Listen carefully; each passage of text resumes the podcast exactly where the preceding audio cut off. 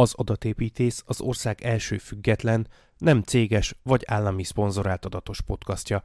Több mint négy éve rendszeresen szállítja a témákat, rövidebb ismeretterjesztő magyarázatokat a data science világából. A podcast ingyenes, és az is marad, hiszen küldetése van. Elkészítése viszont idő, energia és még némi pénz is, ezért ahhoz, hogy továbbra is hozhassa nektek a tartalmat, esetleg tovább is fejlődjön, szükség van rátok, hallgatókra is.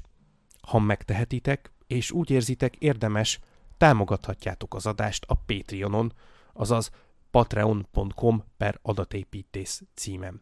A támogatás mellett extra tartalmak, könyvek, segédeszközök is elérhetők a támogatók számára. Tehát még egyszer www.patreon.com per adatépítész természetesen ékezetek nélkül. Köszönöm, hogy figyeltetek. Sziasztok! Ez itt az adatépítész következő epizódja. Mai adásban négy témát is hoztam nektek, két hardvereset, meg két szoftvereset mondjuk így, úgyhogy vágjunk is bele. Az első témánk a Rakéta nevű ö, magyar weboldalon jelent meg, mondjuk ebből a rakéta szóból már úgy lehetett sejteni, hogy magyar, nem megy. Fellaki Ádám tollából, ez egy igazából egy beszámoló egy Szájtek délis cikkről, tehát igazából mindegy, hogy nem, nem ő írta, de értitek? Na, de nem is ez a lényeg, hanem, hogy konkrét fizikai, biológiai különbséget fedeztek fel a liberálisok és a konzervatívok agyak között, így a cikk címe. És hogy mit csinál ez az adatépítészben? Azért, mert nyilván machine learning vonatkozása van, ugyanis klaszterizáció segítségével fedezték fel ezt. Na, szóval, hogy miről van szó? Emberek agyát vizsgálták fMRI-vel, tehát mágneses rezonancia géppel, és emellett kérdőív segítségével felmérték a politikai beállítódásukat. Ugye hát ezek a kérdőívek nyilván nem ilyen egy nulla, meg az emberek se úgy szoktak lenni, hogy valaki, ugye ez az USA-ban készült, tehát ott ugye a liberálisnak nevezik a demokrata párt szavazóit helyel közzel, és konzervatívnak nevezik a republikánus párt szavazóit. Most ebben nem menjünk bele, hogy ennek mennyi értelme van, nem túl sok, legalábbis itt a mi európai fogalmaink szerint. De, de most ez mindegy is, tehát van két, nagyjából két pártrendszer van ugye ott, papíron nem, de a valóságban igen, és van az egyik, meg a másik, végül is. Nekünk mindegy is, hogy mi a nevünk, mert ez lényegtelen, és vannak erre kérdőívek, ezek teljesen hagyományos, tehát ilyen kitöltős, nem, nem machine learning, kérdőívek, amivel nagyjából azért be lehet lőni az adott embernek a politikai hovatartozását, ami persze nem 100% liberális vagy 100% konzervatív, tehát ez egy spektrum a kettő között szokott az ember valahol állni, inkább ez, inkább az, stb. De hogy azért ezekkel a kérdőívekkel alapvetően jól be lehet, viszonylag jól be lehet lőni a, a politikai hovatartozását, vagy inkább ez a hovatartozást egyébként nem szeretem ezt a szót, mert ez olyan, hogy táborok vannak, az hova állunk, ez tiszta hülyeség szerintem. Inkább a politikai preferenciáit, vagy a politikai véleményét a, az adott embernek. Szóval ugye ez volt a, a, a kontroll, tehát ugye ezzel, ezzel állították elő a, a megfejtést, hogy hát mi a politikai beállítottsága az adott válaszadónak, és utána pedig fMRI-vel vizsgálták az agyát. És ugye hát az fMRI az nem csak úgy vizsgálja az agyat, mert ugye mindegyiknek van, tehát hogy nem ezt akarták megállapítani, hanem hogy a kísérletben feladatokat kellett végrehajtani az illetőknek, de az az érdekes, hogy ezek nem olyan feladatok voltak, ami arra lettek volna kifejlesztve, hogy pártállás alapján szelektáljanak.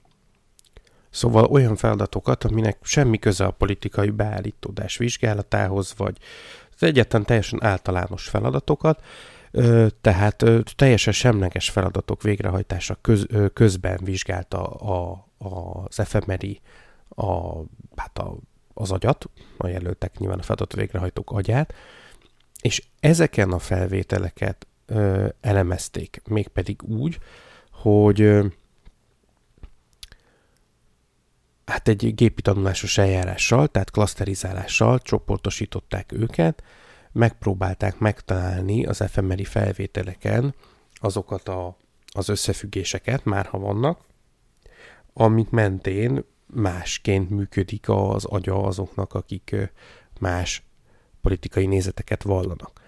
Nagyon font, és sikerült természetesen, ugye nyilván erről szól a cikk, nem mondanám, hogy ha egyébként az lett volna a végeredménye, hogy hát nem találtuk meg. Tehát az látszik, hogy a, a, az agyi kapcsolatok működéséből akkor is meg lehet állapítani a az adott embernek a politikai felfogását, vagy legalábbis inkább melyik irányba való hajlását, így mondanám. Tehát nyilván ez nem lehet ilyen pontosan belőni, hiszen az embernek a politikai nézete a legritkább esetben olyan szélsőséges, hogy minden egyes kérdésben azt gondolja, amit a, sőt, hát gyakorlatilag ugye a, az Egyesült Államokban azért, meg nyilván más országokban is nem elképzelhetetlen az, hogy mondjuk valaki tagja, mit tudom, a republikánus, tök mindegy, demokrata pártnak, de egy adott kérdésben átszavaz, vagy nem azzal ért egyet. Tehát ami Magyarországon ez talán meglepő lehet sokaknak, mert itt ilyen pártfegyelem nevű, szerintem nagyon rossz fogalom él, és akkor nálunk az van, hogy amit az egy adott párt egy adott kérdésben mond, akkor minden tagjának azt kell mondani, vagy ez így az elvárás, vagy ezt gondoljuk normálisnak. Holott hát nem, a pártok tagjai is emberek, és teljesen életszerűtlen egyébként, hogy az összes létező kérdésben minden pártag pontosan azt gondolja, ami a pártnak a hivatalos álláspontja. Tehát, hogy gyakorlatilag senkinek nincsen egyetlen véleménye sem, ami eltérne a központitól. Ugye ez csak egy módon lehetséges, ha valaki ebben a csoportban nem gondolkodik mert különben, ha van 100 vagy 200 vagy 5000 embered ugyanabban a kérdésben, az kizárt, hogy mindenki tök ugyanazt gondolja minden egyes kérdésben. Tehát, hogy ez csak, már csak a nagyszámok törvénye alapján is, ez csak akkor lehetséges, ha valaki valójában nem gondolkodik. Na mindegy, értitek, hogy mire célzok. Tehát, hogy ennek ellenére, hogy azért ez nem ilyen egy meg nulla típusú, és meg lehetett látni, és nagyon durva, hogy ha még ehhez hozzátettek demográfiai mutatókat is, amiket amúgy is szoktak nézni, ugye amikor pártállást vizsgálnak, hogy mi a végzettséged, mi a kereseted, életkorod, nemed, jövedelm, ja, az a kereset, igen, mindegy, értitek. Tehát, hogy ezeket a klasszik demográfiai mutatókat, akkor természetesen még pontosabbá vált a modell. Ö, nagyon fontos megemlíteni persze, hogy nem tudjuk, hogy ugye ez a tojás meg a csirke esete, hogy mi volt előbb, tehát ez nem azt jelenti, hogy azért más a politikai szemléletünk, mert az agyunk más, ö, vagy fordítva. Tehát lehet, hogy a politikai szemléletünk befolyásolja, hogy hogy működik az agyunk, tehát mondjuk az értékválasztásunk befolyásolja, hogy fizikailag hogy működik az agyunk, mely területek működnek erősebben, mely feladatoknál, vagy pedig éppen azért látjuk másként a politikai dolgokat, mert másként működik az agyunk, ezt ugye nem lehet egy ilyen kísérlettel igazolni, azt viszont lehet, hogy fizikailag máshogy működik az agya azoknak az embereknek, akik másként vélekednek a politikai kérdésekről. Ugye mivel az agyunk az annak ellenére, hogy nagyon komplex, mégis nagyon rugalmas, tehát például akik balesetet szenvednek és a agyuk sérül, az sok esetben részben át tud venni sérült területek feladatait más terület, tehát nem olyan, mint egy számítógép, hogyha kiveszed a ramot, akkor a tudom, Winchester részben átveszi a feladatát és megy tovább, ez az nem fog tovább menni. Hiába most lehet a kesre gondolni, de ugye az nem így működik. Szóval Szóval az agyunk tud változni, és rugalmas, tehát feltehetőleg ez nem egy ilyen ilyen az agyam, úgyhogy már pedig én konzervatív vagyok, vagy már pedig én liberális vagyok kérdés, szóval azért ez nem, megy, nem arról van most szó, hogy ez genetikailag determinált, vagy ilyesmi, de úgy tűnik, hogy illetve nem úgy tűnik, hanem ez egészen biztos, hogy viszont meg lehet találni semleges tevékenység közben FMLI-vel azt, hogy, hogy ki milyen politikai beállítódású. Ami azért ez egy nagy szó, mert mert ez azt jelenti, hogy ennek biológiai vonatkozása is van, amit ráadásul gépi tanulási eszközökkel ki is lehetett mutatni.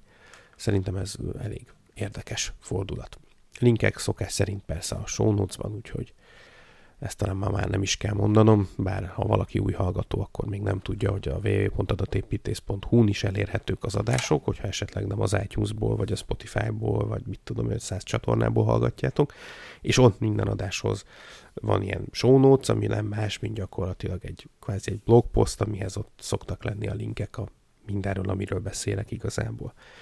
Következő témánk Lányi Őrs tollából 24.hu-n jelent meg Egyébként ez hallgatói beküldés volt, az előző cikk is, meg ez a cikk is, úgyhogy köszönöm szépen.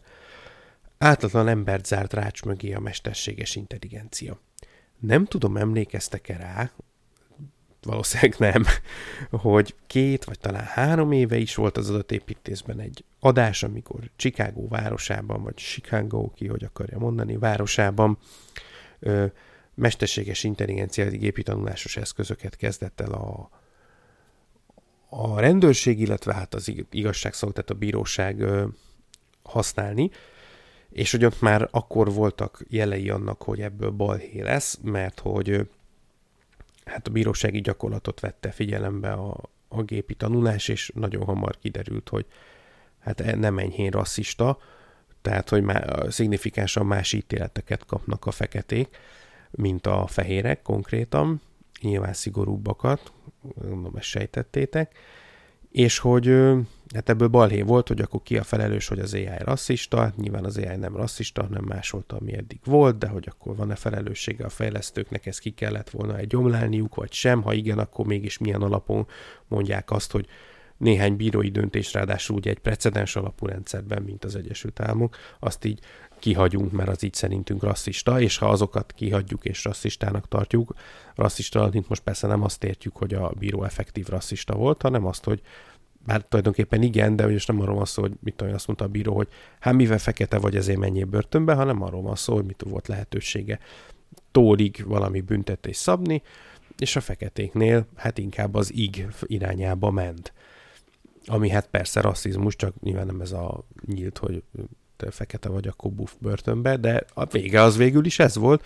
Ugye ott valójában nem ennyire tehát bonyolult, hogy szabadlába helyezési kérelmek voltak, amit hát a feketéknél gyakorlatilag default tagadásra vett az AI. Na mindegy, szóval ez egy nagyon érdekes kérdés, de már akkor beszámoltam erről, hogy ebből para lesz, és uh, talán emlékeztek rá, az arra valószínűleg igen néhány adással, kettővel talán ezelőtt volt, hogy gyakorlatilag arról beszélgettem az egyik meghívottammal, vagy együtt beszélgettünk, hogy jó lesz-e, vagy kell nekünk egy olyan igazságszolgáltatási rendszer, amiben AI is van, és akkor én azt az álláspontot képviseltem, hogy én örülnék, ha lenne benne, de nem örülnék, ha csak az lenne. Na hát ezt a parát tovább tolták Csikágóban, ez ugyan egy másik eszköz, nem az, amiről eddig beszéltem, de hát ugyanaz a város, ugyanaz a, az ügyészség, illetve bíróság, tehát valószínűleg ott valami így az AI-jal így, így beállt nekik, hogy az most kell. Ami nem lenne baj, csak hát ugye okosan kéne használni. Most van ez a ShotSpotter nevű program, amit arra fejlesztettek ki, hogy a városban történt lövéseket távolról azonosítsa és értéke, értesítse a hatóságokat.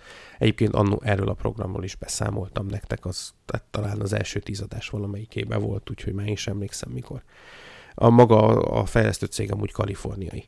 És hát itt az történt, hogy volt egy, egy férfi, szintén fekete egyébként, bár ez nem tudom, hogy fontos-e, mert itt most ugye nem ez a sztorin és nem ez a program játszott. Uh, Safarian Herring, igen, tényleg ez az a Herring, uh, így hívták. Uh, az történt, hogy melléjük el uh, húzódott egy autó, és abból lövéseket adtak le rájuk, tehát hogy rájuk lőttek. Meghalt a vele utazó ember, szóval elég gáz a szitu, tehát hogy nem is valami kis piti dologról van szó. És hát ezt a Henning nevű úriembert talál, kiáltották ki bűnösnek, és el is ítélték. Igen ám, de az egyetlen tényleges bizonyíték ő ellene az az volt, hogy a szoftver azt mondta, hogy ő onnét azonosította a lövést. Ugye hát itt részleteket nem tudok, úgyhogy nehéz erről így pontosan nyilatkozni, de ha valóban ennyi a helyzet, akkor itt azért rettentő ostobas módon jártak el a hatóságok, mert egy ilyen szoftver az tényleg nagyon hasznos arra, amit így eredetileg kitalálták, tehát, hogy egy hangalapon meg lehet mondani irányokat, meg lehet, hogy talán még ö, fegyver, vagy hát sokkal inkább lőszertípust, sok mindent, tehát ezt, ezt mindent el tudok hinni, de hát ez teljesen nyilvánvaló, hogy a, ha egy ponton négy-öt ember van, akkor abból nem lehet eldönteni, hogy ki lőtt, mert értjük, hogy hát ott történt a lövés, ez mondjuk már abból is kiderült, ugye, hogy valaki meghalt a helyszínen, tehát így nyilvánvaló, hogy ott történt egy lövöldözés. Tehát, hogy ebből honnét sikerült kitalálniuk, hogy ki volt az elkövető, az azért eléggé nonsens. Tehát, hogy itt azért vagy a cikk nem teljes értékű, ugye ez lehet, és akkor van itt még olyan info, amiről én nem tudok, vagy rettentő hülye volt, a, már bocsánat, a, a védőügyvéd, mert ez azért nem kell nagy logika, hogy megállapítsuk, hogy hát az AI az tök jól megmondja tényleg, hogy honnét lőttek valami fajta, gondolom a kamerák meg mikrofonok alapján, de hát azt honnét tudná az AI, hogy az egyébként tényleges elkövető, ugye aki a másik autóba ült, ez azóta kiderült, azért tudok róla ilyen egyértelműen beszélni. Nem tudom, hogy hogy derült ki, gondolom valami hagyományos nyomozati munka segítségével, nem tudom. Szóval, hogy hát azt a lövést oké, okay, hogy ott adták le, de másik ember, és az, hogy amikor az rendőrök kiérkeztek, akkor ez a faszi volt ott, a, akinek az utastársa meghalt, tehát nyilván nem hagyta ott a vele utazót, aki le van lőve, ebből hogy sikerült kitálni, hogy akkor nyilván ő lőtte le, azért az így nekem nagyon erősnek hangzik. Na mindegy, de hogy a fickót elítélték, és másfél évet ült úgy, hogy ö, hát igazságtalanul, ami azért elég durva, és hát ha nem derül ki, nem tudom, hogy hogy derült ki, de ha nem derül ki, hogy ártatlan, akkor lehet, hogy 70 évet ül, vagy ki tudja, ugye az Egyesült Államokban halálbüntetés is van gyilkosságért. Fogalmam sincs, hogy Chicago azt hiszem Illinoisban, vagy ott van-e, azt nem tudom, de most mindegy is ebből a szempontból, nem csak az a baj, ha kivégeznek, az is elég rossz, hogyha 70 évet ülsz, vagy akár csak más felett, tehát hogy így most elképzelem, hogy holnap engem leültetnének másfél évre, és utána azt mondják, hogy oh, bocs, tévedett az AI, hát elég zabos lennék. Na hát ez a fickó is elég zabos, úgyhogy egy ilyen class section lawsuit azonnal befigyel, tehát ugye USA-ba vagyunk, tehát élből 33 millió dollárra perlik a, a nem, bocsánat, sok millió dollárra perlik a céget, a 33 millió dollár az az, ami a Chicago város éppen meghosszabbította ennek a cégnek a, ö, ugrottam két sort, bocsánat, a, a szerződését, ami azért nem gatya, 13 milliárd forintért veszik ezt a szoftvert tőlük, ami azért még Amerikában is szabad szemmel látható összeg, ahogy mondani szokás.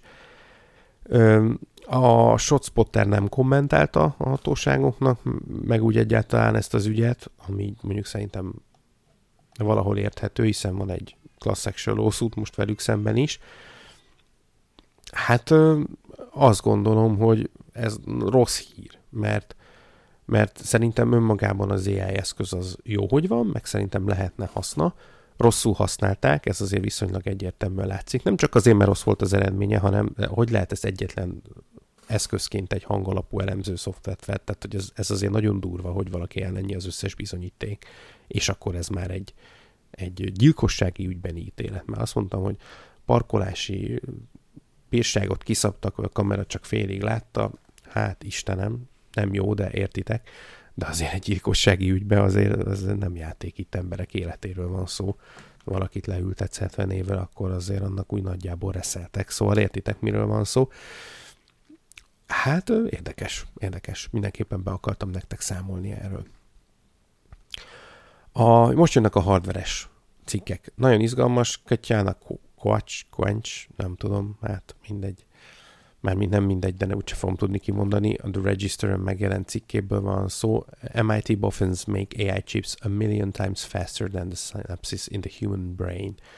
Ami ugye, hát ez egyébként a nagyon rövid cikk, ezt ugye az egészet kb. el is mondtam félig meddig, tehát hogy az MIT mérnökei készítettek egy olyan kifejezetten AI felhasználásra kitalált ö, chipet, ami az emberi agy szinapszisainak sebességét egy milliószorosan múlja felül. Ezen ők is meglepődtek egyébként, hogy képesek voltak rá, nem ezt várták. Miről van szó? Ez nem egy hagyományos számítógép chip, tehát nem egy, egy baromi gyors processzor, amit mondjuk az Inteltől várnánk, vagy ilyesmi. Ez egy, vagy hát végülis, de, de hogy ez egy analóg processzor, tehát hogy ez a szinapszisokat agyunkban lévő szinapszisok működési elvét utánozza. Igen ám, de elektromos áram helyett, tehát ugye hagyomány, mint ahogy a számítógép is működik, most nem, igazából nem pontos, amit mondok, mert nem elektromos, hanem továbbra is áramot használ, de hogy csak egy-egy protont ugráltatnak át, nem pedig komoly villamos áram, tehát nem sok-sok-sok elektron megy át rajta. Mi ennek a jelen, ami mondjuk egy hagyományos csipen, ugye, tehát hogy villanyáram konkrétan. Jó, nagyon pici villanyáram megy egy processzoron, tehát hogy nem a 220 közvetlenül ugrál rajta, de értitek villanyáram, tehát ugye megy az elektron folyam. Ennek az a lényege, hogy annyira picike egy darab proton, nyilvánvalóan a, ugyan az elektronnál sokkal nagyobb, de az elektron folyamhoz képest, hogy nagyon hatékony, tehát hogy az a sebesség, amivel tudják ezt mozgatni, az egy normál csipet megsütne. Tehát, hogy annyira nem, nem lehetne normálisan hűteni. Itt viszont erre nincs szükség, vagy hát sokkal-sokkal-sokkal nagyobb, egymilliószor nagyobb sebesség mellett még ugyanolyan. És mondták is a kutatók, tehát ezt is nyilatkozták, ez a Murat Onen nevű ö, hát azt akarom mondani, hogy ember, de igazából sajnos nem tudom a neve alapján, de a kutató, férfi vagy nő, nem tudom, mindegy is, hogy hát ez most ugye még egy MIT kísérlet, de hogyha ebből előrébb tudnak lépni, akkor ez egy olyan AI analóg processzor lesz, ami lehetővé teszi azt, hogy a jelenlegi modellekhez képest teljesen összevethetetlen komplexitású, tehát olyan, olyan AI modelleket csináljunk, ami hát nagyjából ez az egy millió, tehát ez a sok nagyságrenddel hát vagy gyorsabb, vagy bonyolultabb, tehát az ő konkrét hasonlata az volt, hogy ha most autóink vannak, akkor ezek, ez nem egy gyorsabb, vagy sokkal gyorsabb, vagy versenyautó, hanem ez egy űrhajó. Tehát, hogy így, így fogalmilag másik szint, ami, ami hát nyilván számomra nagyon érdekes és izgalmas. Ez megint felveti egy picit a szingularitás fogalmát, tehát ugye, hogy lehet, hogyha ilyen kapacitás ugrások lesznek, akkor, akkor tényleg képesek leszünk olyan bonyolult AI dolgokat létrehozni, amit mi magunk már nem feltétlen fogunk tudni érteni. Ö, érdekes minden esetre, link a show notes-ban, ahogy azt megszokták. A következő témám az részben kapcsolódik a, az orosz-ukrán háborúhoz, ugye ennek következménye, de majd mindjárt mondom, hogy ez miért machine learning téma, tehát most nem csak random beszélünk az orosz-ukrán háborúról, Ugye ennek egyik következménye a szankciók, ezt talán mindenki tudja, aminek az egyik következménye az az, hogy Oroszország ugye nem nagyon jut korszerű mikrocsipekhez, tehát hogy processzorokhoz konkrétan.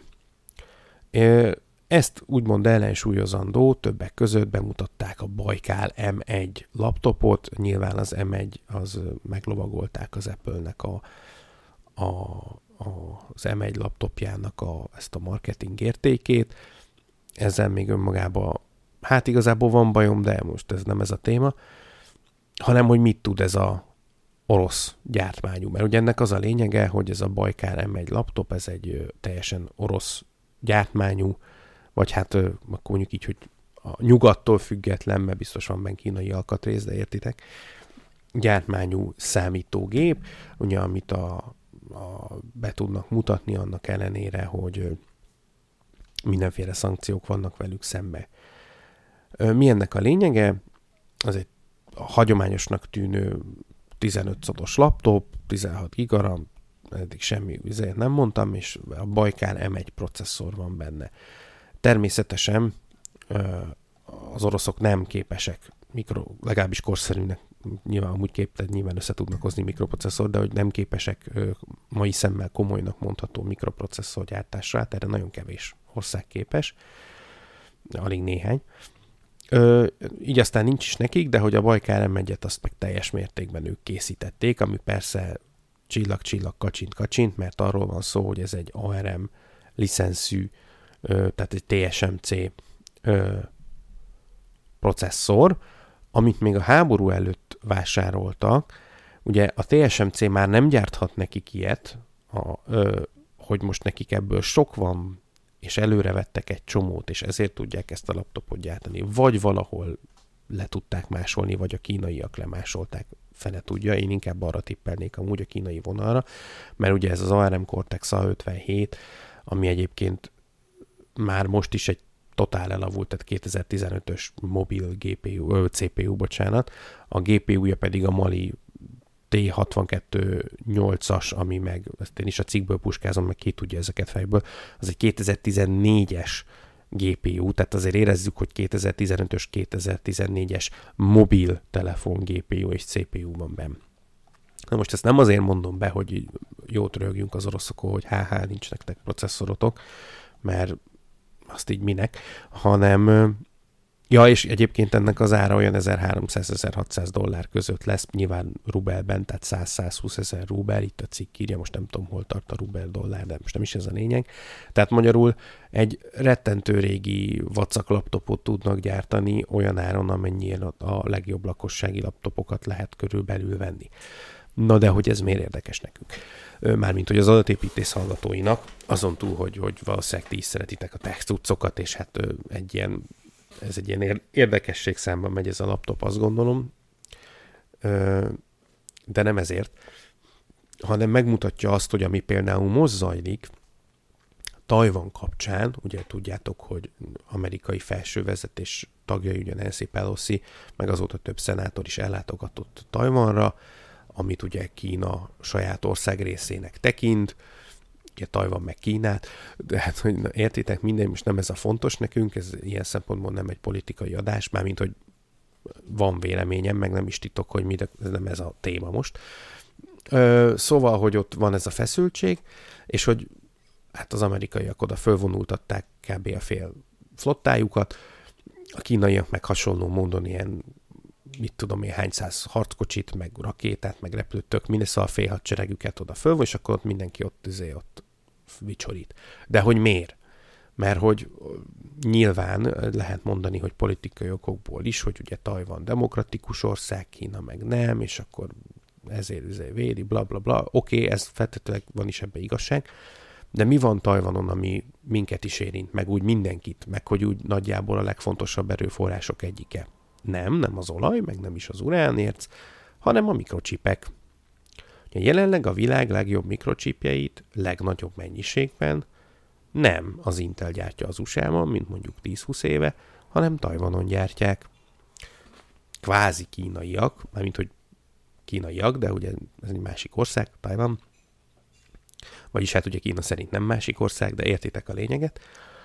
Szóval, és hát ez az orosz cikk kapcsán épp ezt akarom felhozni, hogyha valamilyen oknál fogva, akár csak egy kínai blokkát, tehát nem feltétlenül kell itt egyből a világháborúra, meg atomfegyvere, meg bla, bla, bla gondolni, csak egy, csak egy tengeri, csak jó, de értitek, csak egy tengeri blokkádot vonnának. Mondjuk csak pár napra, mondjuk egy hétre, két hétre, Tajvan köré. És a, a, a, a csipek, itt a GPU-kra is gondolok, meg a CPU-kra is gondolok, folyamatos áramlása megállna a just-in-time rendszerben, amiben ugye működnek a mai modern gyárak, Hát itt ö,